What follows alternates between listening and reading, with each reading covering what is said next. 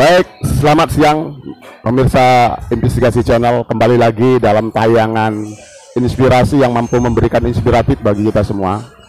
Bicara Sumatera Barat, Sumatera Barat tidak pernah akan kehilangan sosok anak muda yang memiliki pola pikir. Bicara Sumatera Barat, Sumatera Barat selalu melahirkan para pemikir yang ada di Indonesia. Bicara Sumatera Barat, Sumatera Barat selalu melahirkan para tokoh nasional yang mampu memberi warna tersendiri bagi berjalannya bangsa dan negeri ini. Baik, pada saat ini kami akan menyorotin sosok milenial yang mengawali karir dari orang yang sederhana, meniti karir politik berawal dari nol dan kami akan mencoba melakukan mengulas dan melakukan investigasi terhadap sosok anak muda ini dan kami akan perkenalkan narasumber kita pada kesempatan siang ini. Beliau adalah Rustam Effendi. Langsung saja kita perkenalkan narasumber kita pada siang hari ini. Beliau adalah Rustam Effendi. Selamat siang, Bang Rustam. Terima kasih Bang Rustam Effendi telah hadir dalam mengisi program inspirasi yang mampu memberikan inspiratif. Bang Rustam, kita tahu saat ini Bang Rustam itu salah satu anggota DPRD Kota Padang. Bisakah Bang Rustam menceritakan masa lalu Bang Rustam dari mana Bang Rustam itu berasal? Oke, silakan Bang Rustam.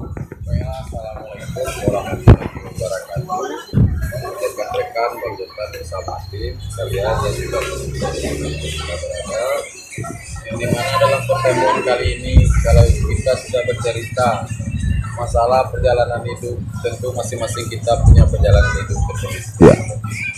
Ada yang daftarnya dari berbagai latar belakang, termasuk bagi kami sendiri, Fendi juga tadi.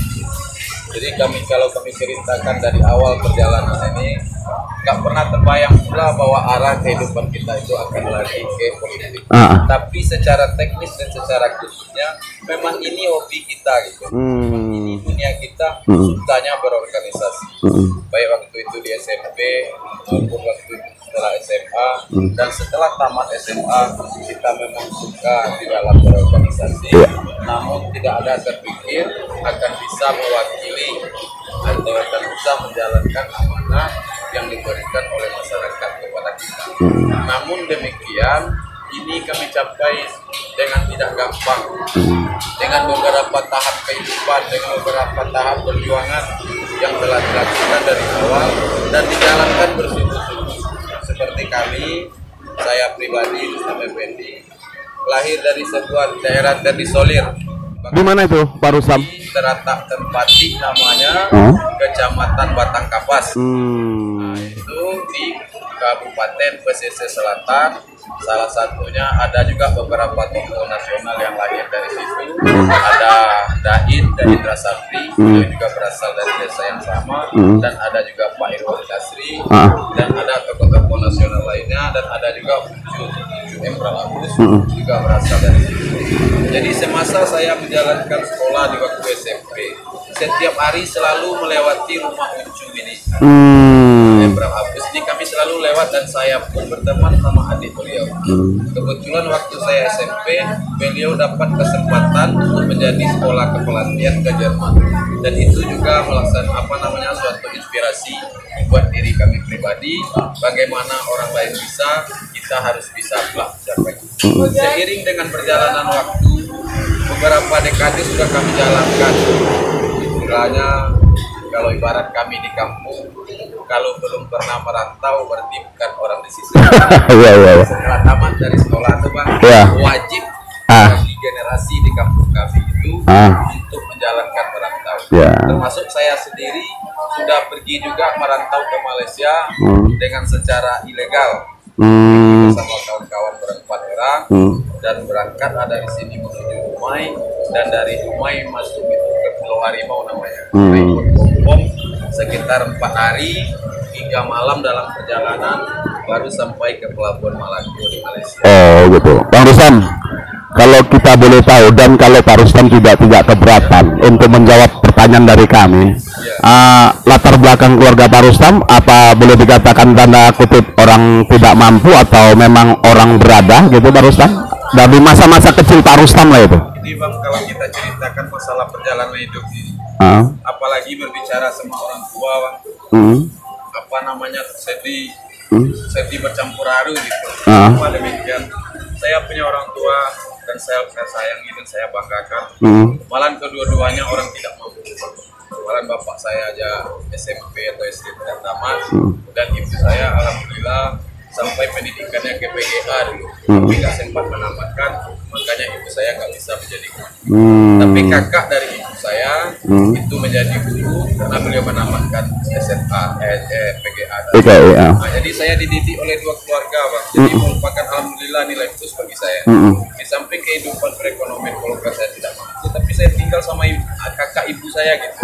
Yang saya Hmm. anggap sebagai orang tua saya sendiri. Hmm. Malah-malah kalau kawan-kawan di kampung yang tahu ibu saya cuma itu, ibu Hmm. ini namanya yang membesarkan saya dan beliau adalah guru agama, kakak adik sama ibu kandung saya sendiri. Jadi saya beliau besarkan, beliau didik. Satu yang nggak pernah saya lupakan sampai sekarang ini betapa itu tentang kejujuran dan keseriusan dalam jalan kehidupan. Iya. Bahkan kalau bapak saya sendiri bang, malu saya bilang itu sama kayak Tarzan orang tua saya. Soalnya dari saya kecil sampai tamat SMA berada di hutan jatuh karena ketika perekonomiannya ke ladang Oh, ya. di Ramba hutan kebetulan saya empat bersaudara jadi merambah hutan ini tujuannya lahir anaknya satu dibikinkan ladang satu ditanam kulit manis panennya nanti kalau sudah tamat anaknya SMA gitu. Oh, gitu ya. lahir anak kedua bikin Ya. lagi satu ladang ditanam lagi kulit manis begitulah caranya orang di kampung kami untuk menabung suatu saat nanti kalau anaknya Hmm. Alhamdulillah saya tetap bangga sama orang tua saya karena satu yang saya pegang sampai sekarang ini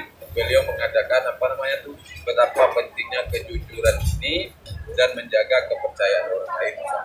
Hmm. Jadi seiring berjalannya waktu asik di perantauan tadi sesuai petua orang Minang setinggi-tinggi tapaknya bangau Hmm. pulangnya nanti ke Kubangan juga kan Iya, iya. akhirnya dari Malaysia tuh pulanglah saya lagi oh ke kampung halaman Hmm. karena perekonomian morak marit tidak ada yang bisa kami kerjakan di kampung itu diulang lagi lah merantau ke Pekanbaru Hmm. jadi singkat cerita di Pekanbaru akhirnya saya memutuskan lah untuk berumah tangga Hmm. jadi agak unik bang orang perekonomian dipersiapkan dulu setelah mapan baru berumah Ya, tangga enggak, iya, iya. kalau kita bang Borak mar baru kita pikirkan kalau perekonomian gitu ya. Nah, Ya. kenapa demikian? Karena kalau kita memikirkan perekonomian, keadaan kita sudah dalam keadaan berdua. Oh, ya. Berarti sudah tidak sendiri kita memikirkan perekonomian lagi. Hmm. Gitu. Jadi selanjutnya mengapa bisa terjun ke arah politik? Kita memang hobi di situ. Jadi alhamdulillah saya beruntung dengan salah seorang tokoh Sumatera Barat dan tokoh lokal Padang dari Muhammad Sedia, yaitu beliau adalah Haji Maikus Nasir. Hmm. Jadi beliaulah yang membentuk karakter dan memberi arahan dan memberikan pencerahan dan mengajak saya secara tidak Ya. langsung Hmm. walaupun tidak terungkap di mulut beliau oh saya mengajak saya untuk terjun ke politik tetapi secara perbuatan beliau lakukan itu yang membuat saya harus terlibat di dalam politik Ya. Jadi ada sesuatu yang saya tangkap dari apa yang saya Bang Rustam sampaikan. Artinya Bang Rustam ini berasal dari keluarga ya boleh katakan sederhana lah ya. kan sederhana bang bawah Ah, kalau jadi- katanya perumahan bang RS RSS Ah ya. jauh dari Ya. Jadi itu membentuk sosok Rustam Effendi menjadi strangle. iya bang Ya. Oh. karena ya, suatu keharusan gitu. Ya. Suatu keharusannya gini, misalnya kita butuh uang untuk Hmm. beli rokok lah, untuk jajan itu. Hmm. Mau kita minta sama siapa? Orang keadaan orang tua kita sama juga dengan kita. Hmm. Jadi wajib bagi kita untuk memperjuangkan nasib kita gitu kan. Ya. Apalagi kalau di perantauan kita kan nggak punya saudara juga. Ya. Kita anak yang kedua biasanya orang kalau merantau ada abangnya, ada iparnya. Kalau Ya. kita kan Los Angeles sama sekali. Oh gitu.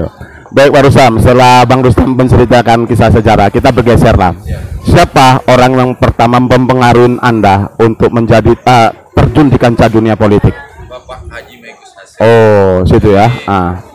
dulu sebelum uh, waktu Haji Maikus Nasir ini uh, mencalon jadi wakil jadi wali kota Padang Hmm. yang waktu itu calonnya 10 orang kami kebetulan tidak kenal dengan beliau Hmm. tim sukses beliau lah yang mengajak kita Hmm. untuk pergi ke rumah beliau. Hmm. Saya sudah sempat juga negatif thinking waktu itu menilai Ah. oh, orang-orang politik ini seperti yang Sudah-sudah gitu ya, ya, ya. masyarakat. Jadi Hmm. waktu itu dijanjikanlah kami ke rumah beliau di Sungai Sampir Hmm. untuk mengadakan pertemuan sekitar jam 11. Mm-mm.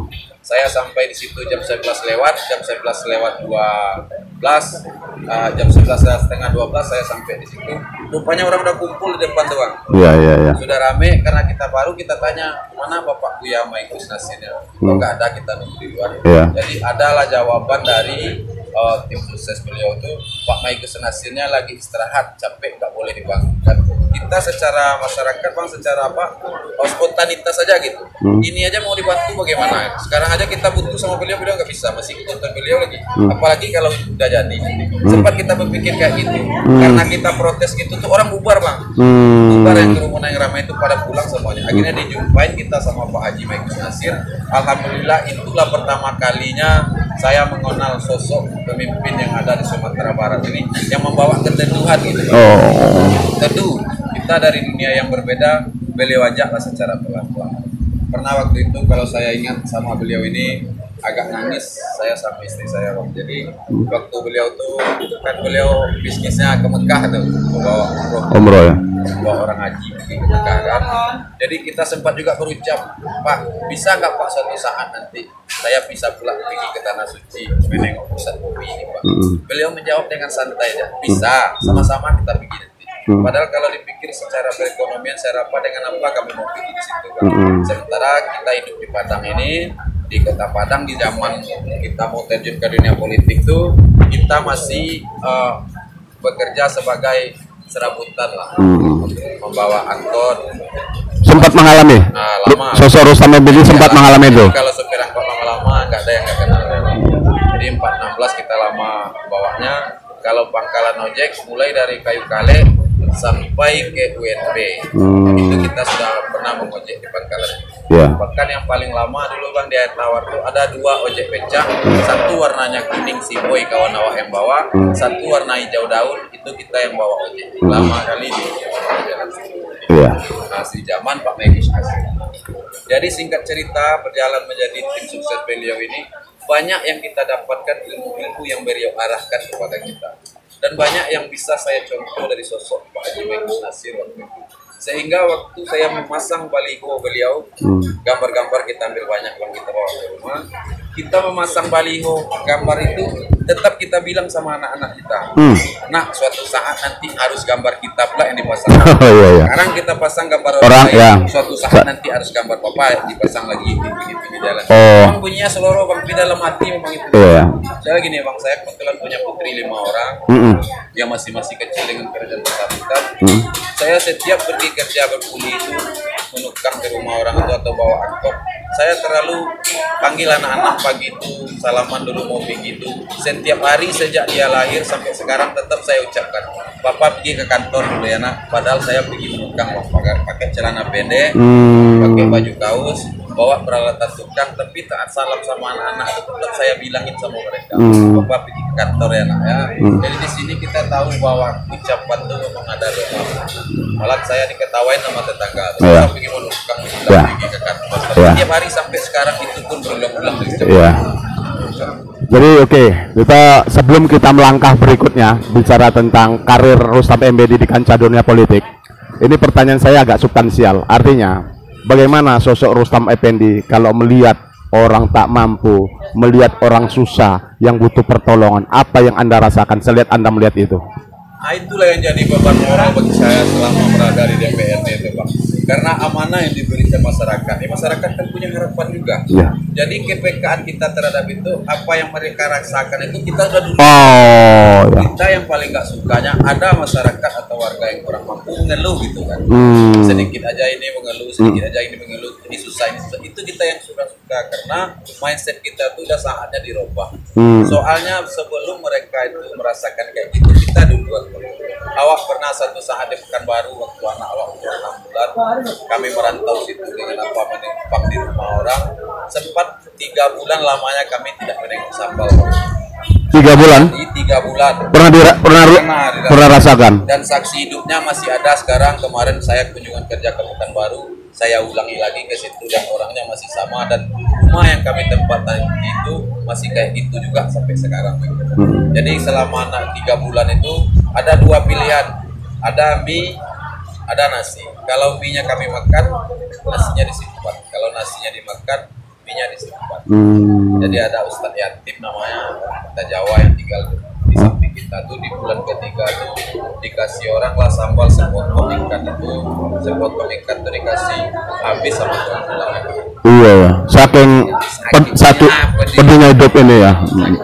Hmm. jadi latar belakang kita terjun ke dunia politik itu kita kumpul sama teman-teman yang senasib yang seprofesi dan yang sesama kerabat ya jadi moto kami waktu pertama mau terjun ke dunia politik dan menjadi uh, mencalon menjadi anggota Dewan Perwakilan Rakyat. Nah, visinya gini bang.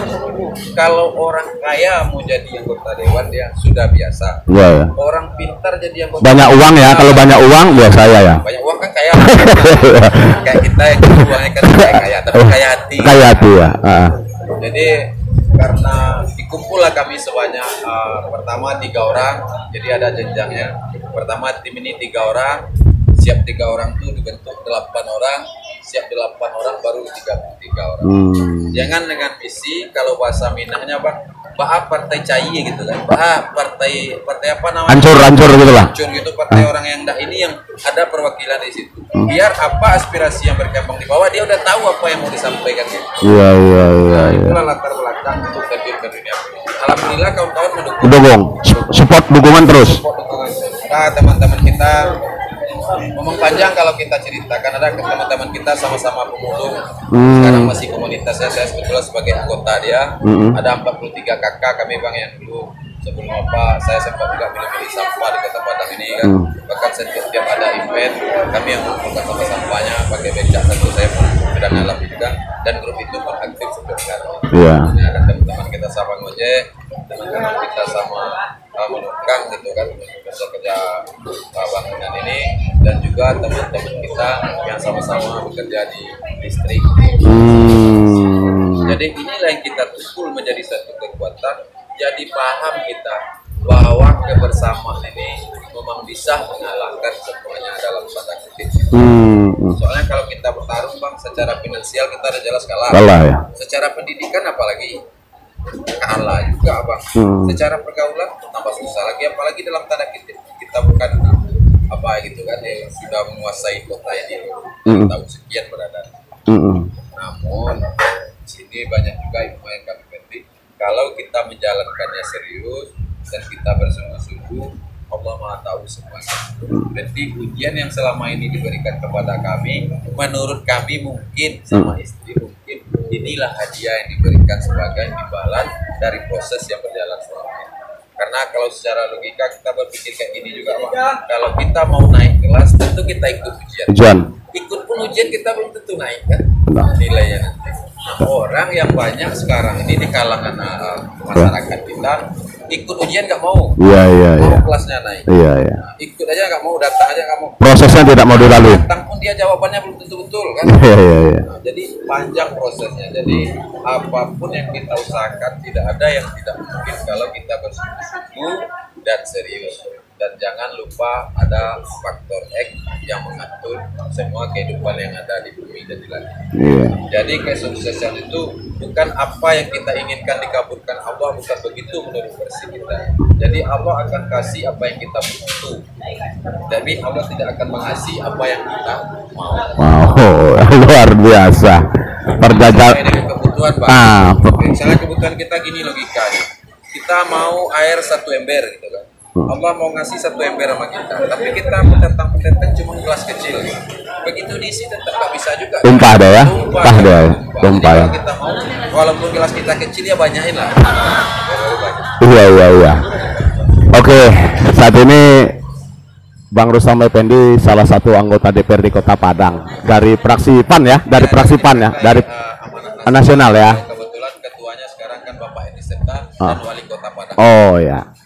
Ah, jadi sekali lagi kalau kami boleh tahu bagaimana sih kinerja anggota DPRD Kota Padang yang saat ini ya sudah berjalan hampir 2000 periode 2019 masuk uh, 2021 dua tahun ya.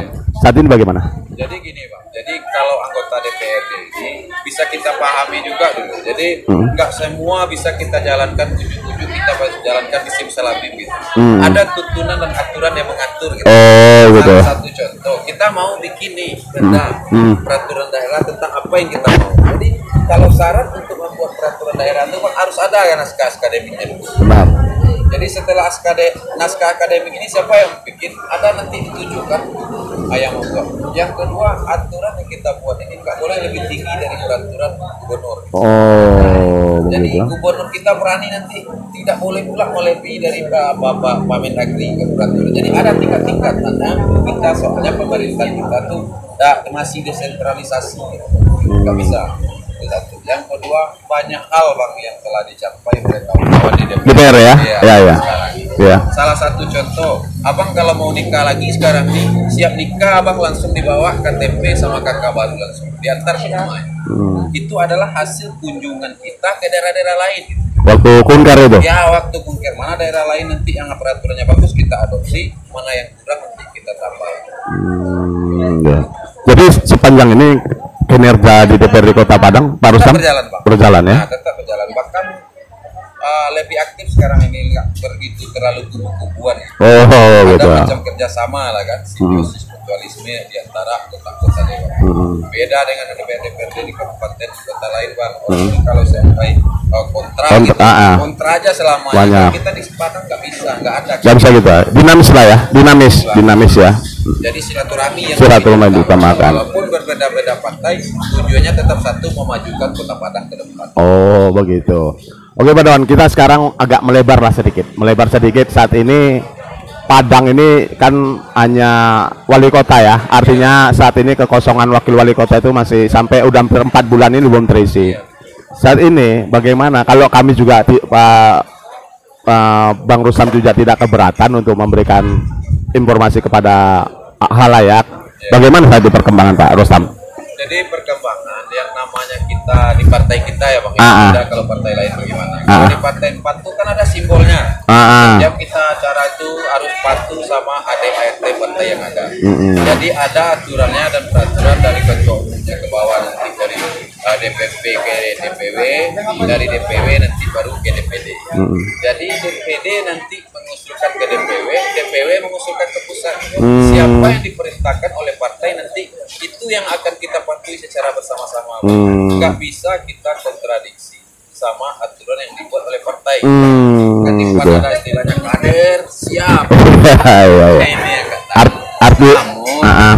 sebanyak kami tujuh orang dari fraksi Partai Amanat Nasional, Hmm. siapa pun yang ditugaskan ke depan oleh DPP nanti, semuanya siap, termasuk Islam DPD sendiri. Nah itu Hmm, apa keputusan DPP, itulah yang menjadi keputusan kita bersama. iya. Kalau sekarang ini Bapak Endi Serta betul beliau ketua DPD, tapi semua aturan kan masih ada di atas beliau. Beliau pun sangat berharap ada pendampingnya biar meringankan kerja beliau. Iya, iya, iya. Ah, ah. Jadi jangan nanti uh, persepsinya di masyarakat seolah-olah Pak Endi Serta ini mau sendiri, mau ini enggak. Enggak, ya. Bahkan beliau pengen lagi ada Dapat duet ya, Nah, dapat duet ya, kan duet ya. Hah? Tapi semuanya akan ada mekanisme yang mengatur. Mm-mm. Harus ada kesepakatan nanti antara uh, dua partai pengusung ini, Hmm. antara PKS dan Partai Amanat Nasional. Ya. Dan itu gawenya DPD uh, yang ada di pusat. Ya. Kita di bawah ini siapa pun yang ditugaskan tetap siap menjalankan. Oke, kita flashback sejenak. Artinya, waktu pengusung Mayel di Ibu yang saat ini sudah jadi gubernur sama apa? Iya. Sama Hendra Septa itu kan dua partai PKS dan PAN. Iya. Saat ini bagaimana hubungan antara partai PKS dan PAN? Ah? ah, santai-santai Santai aja ya? relatif saja Pak. salah satu contoh ini kami mau kunjungan kerja bersama kawan-kawan dari PKS juga Ya. saya dari PAN ada Ah. Pak Andi Wijaya Ya. Pak Junaidi Ah. ada yang lain-lain ada Pak Rabdi nggak ada permasalahan cair aja Cair ya? ya soalnya kami sama-sama menyadari bukan gawe kami masing-masing Oh. Tapi kalau ada surat dari DPP yang mengarahkan bahwa kader di daerah harus siap ini beda lagi ceritanya kan? jadi Hmm. kita tetap mengatur apa namanya itu mengikuti Partai yang berlaku Hmm. Apa yang ada di partai kita kita patuhi, kawan-kawan di partai lain tentu mematuhi ADRT PKB yang ada. Hmm, jadi tidak ada persoalan sebenarnya ya. Ada persoalan bang, Oh, ya. aja. Saya sama kawan-kawan dari PKS silaturahmi kayak gitu. Iya ya. Namun tentu ke depannya punya apa namanya tuh oh, visi tersendiri sendiri. Iya ya. Jadi mereka adalah kita sebagai anggota dari fraksi, kalau sepanjang keputusan dari perintah fraksi belum ada, ketua fraksi belum ada, kita tetap jalan. Oh gitu. Jadi pada prinsipnya kita tunggu patuh, patuh dengan instruksi dari tim DPP ya. Harus patuh dengan DPP karena kita kader partai menjalankan ADART yang berlaku Oh di ya. partai. Nggak usah bang, katanya Ya. menurut ini, menurut itu nggak bisa. Harus ada sesuai dengan ADART.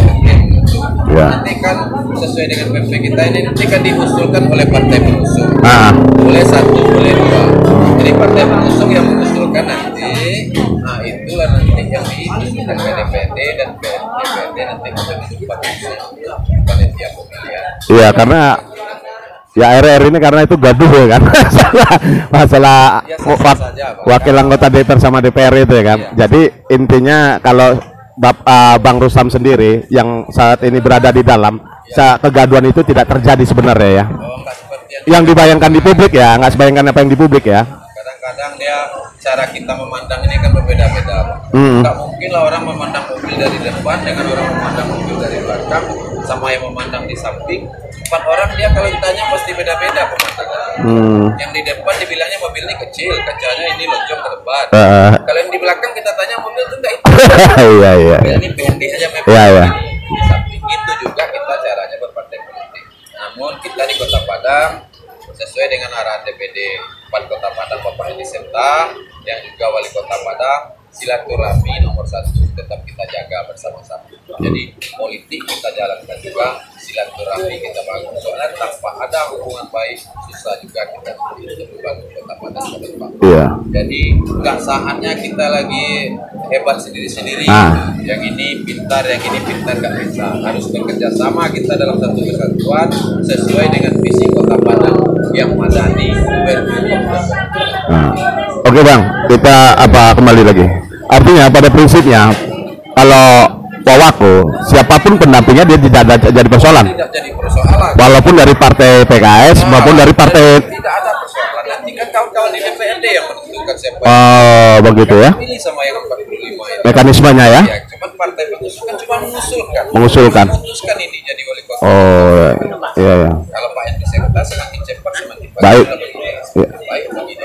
Oh gitu ya. Jadi pada prinsipnya kalau masalah kedua partai ini nggak ada lah ya, nggak nggak sengeri apa yang dibayangkan publik itu ya, nggak ada ribut-ribut itu ya. Kita di Minangkabau ini kan Ah. ada pesan Ah. kita pula semuanya kita pakai secara musyawarah dan mufakat. Mm-mm. Tidak ada ujung-ujung kita bermasalah.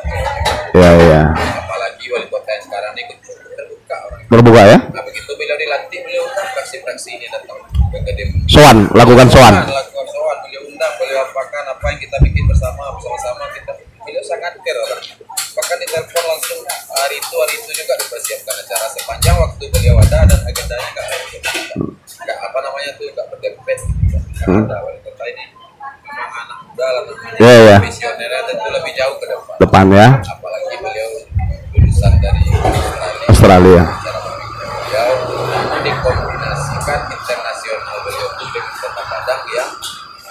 Madani gitu ya, luar biasa. Oke Pak kita kalau tadi kita udah apalah ya closing statement lah dari sosok Rustapendi bagi adik-adik milenial, kaum milenial, bahwasannya di dunia ini tidak ada yang tidak mungkin. Apa pun yang kita lakukan, as dengan asal kita mau bekerja keras melalui proses yang keras, apa pun cita-cita itu bisa kita wujudkan. Silakan, Bung Rustam Effendi. Ah, motonya gini aja di dalam ini. Apa aja yang mau kita lakukan ke depan sesuai dengan keinginan kita keinginan kita bagaimana kalau kita melakukan separuh-separuh hati hasilnya dijamin separuh gitu. Ya, kalau kita melakukan apa gara-gara ya gara-gara pula hasil. Ya. tapi apabila kita lakukan dengan serius sungguh-sungguh dan jangan berlebihan kepada Allah Subhanahu wa taala insya Allah mudah-mudahan dikabulkan juga Ah, baik namun kadang-kadang kita akan salah dalam mempersepsikan bawa sesuai dengan keinginan kita gitu. Anda balik dengan respect ke belakang lagi Allah itu akan tetap kasih apa yang kita butuhkan. itu sudah dijamin jadi saya selaku pribadi Mr. Effendi sangat bersyukur kepada Allah Subhanahu wa taala dan juga kawan-kawan yang memberikan banyak support di dalam perjalanan dan teristimewa sekali support yang tidak terhingga kepada istri saya yang telah mendampingi selama 20 tahun. Beliau lah yang banyak dan memberi arahan sebagai kontrol gitu sebagai balan di dalam kehidupan saya. Soalnya kalau kita orang dari apa ini kan bang bisa lost kontrol juga. Jadi dengan adanya dua kepala ini menjadi satu hati inilah menjadi kekuatan bagi kami. Soalnya tanpa dukungan keluarga dan anak-anak apa pun mau kita ini kan kan nggak bisa juga bang kita mau kampanye misalnya keluarga ada dukung nggak respon. Hmm. kita mau ini jadi saya sangat berterima kasih kepada beliau saat itu kadang-kadang uang belanjanya beli beras itu yang kita bikinkan ke gambar. Jadi kita pendampingan itu sangat mempengaruhi. sangat sangat mempengaruhi Bang. kalau kita orangnya simpel kan golongan darah kan ya bang sebentar bisa berubah sebentar lipat kalau dari beliau kita kadang-kadang gampang aja apa tuh terucapnya gini kadang-kadang tanpa kita sadar. Jadi kontrol inilah yang menjadi agak kekaguan bagi kita selama memegang amanah mewakili masyarakat. Karena kalau selama ini kita berjanji eh, sekarang ah, nanti lah sebentar lah. Udah biasa kayak gitu kan. Nah, kadang-kadang kita nggak teringat sama itu. Jadi selama menjadi amanah ini agak jadi rancu. Nah itulah yang kita rubah mindset ke depan. Kalau yang kita ngomong itu yang masuk akal dari. Oke, terima kasih Bang Rustam Effendi telah mengisi dalam program inspirasi yang mampu memberikan inspiratif. Baik pemirsa investigasi channel, demikianlah obrolan kami dengan sosok anak muda, sosok milenial yang berasal dari keluarga yang tidak mampu tapi meniti karir di kancah politik dan akhirnya beliau sampai ke gedung DPRD Kota Padang. Dan apa yang disampaikan beliau mungkin menjadi inspirasi dan mampu memberikan inspiratif bagi kita semua bahwa sesuatu yang ya, apa pun di dunia ini bisa terjadi dan mampu kita raih asal kita mampu bekerja keras dan mampu bertawakal. Demikianlah obrolan kami kita kembali lagi pada tema inspirasi mampu memberikan inspiratif dan kita kembali ke studio. Good. Thank you.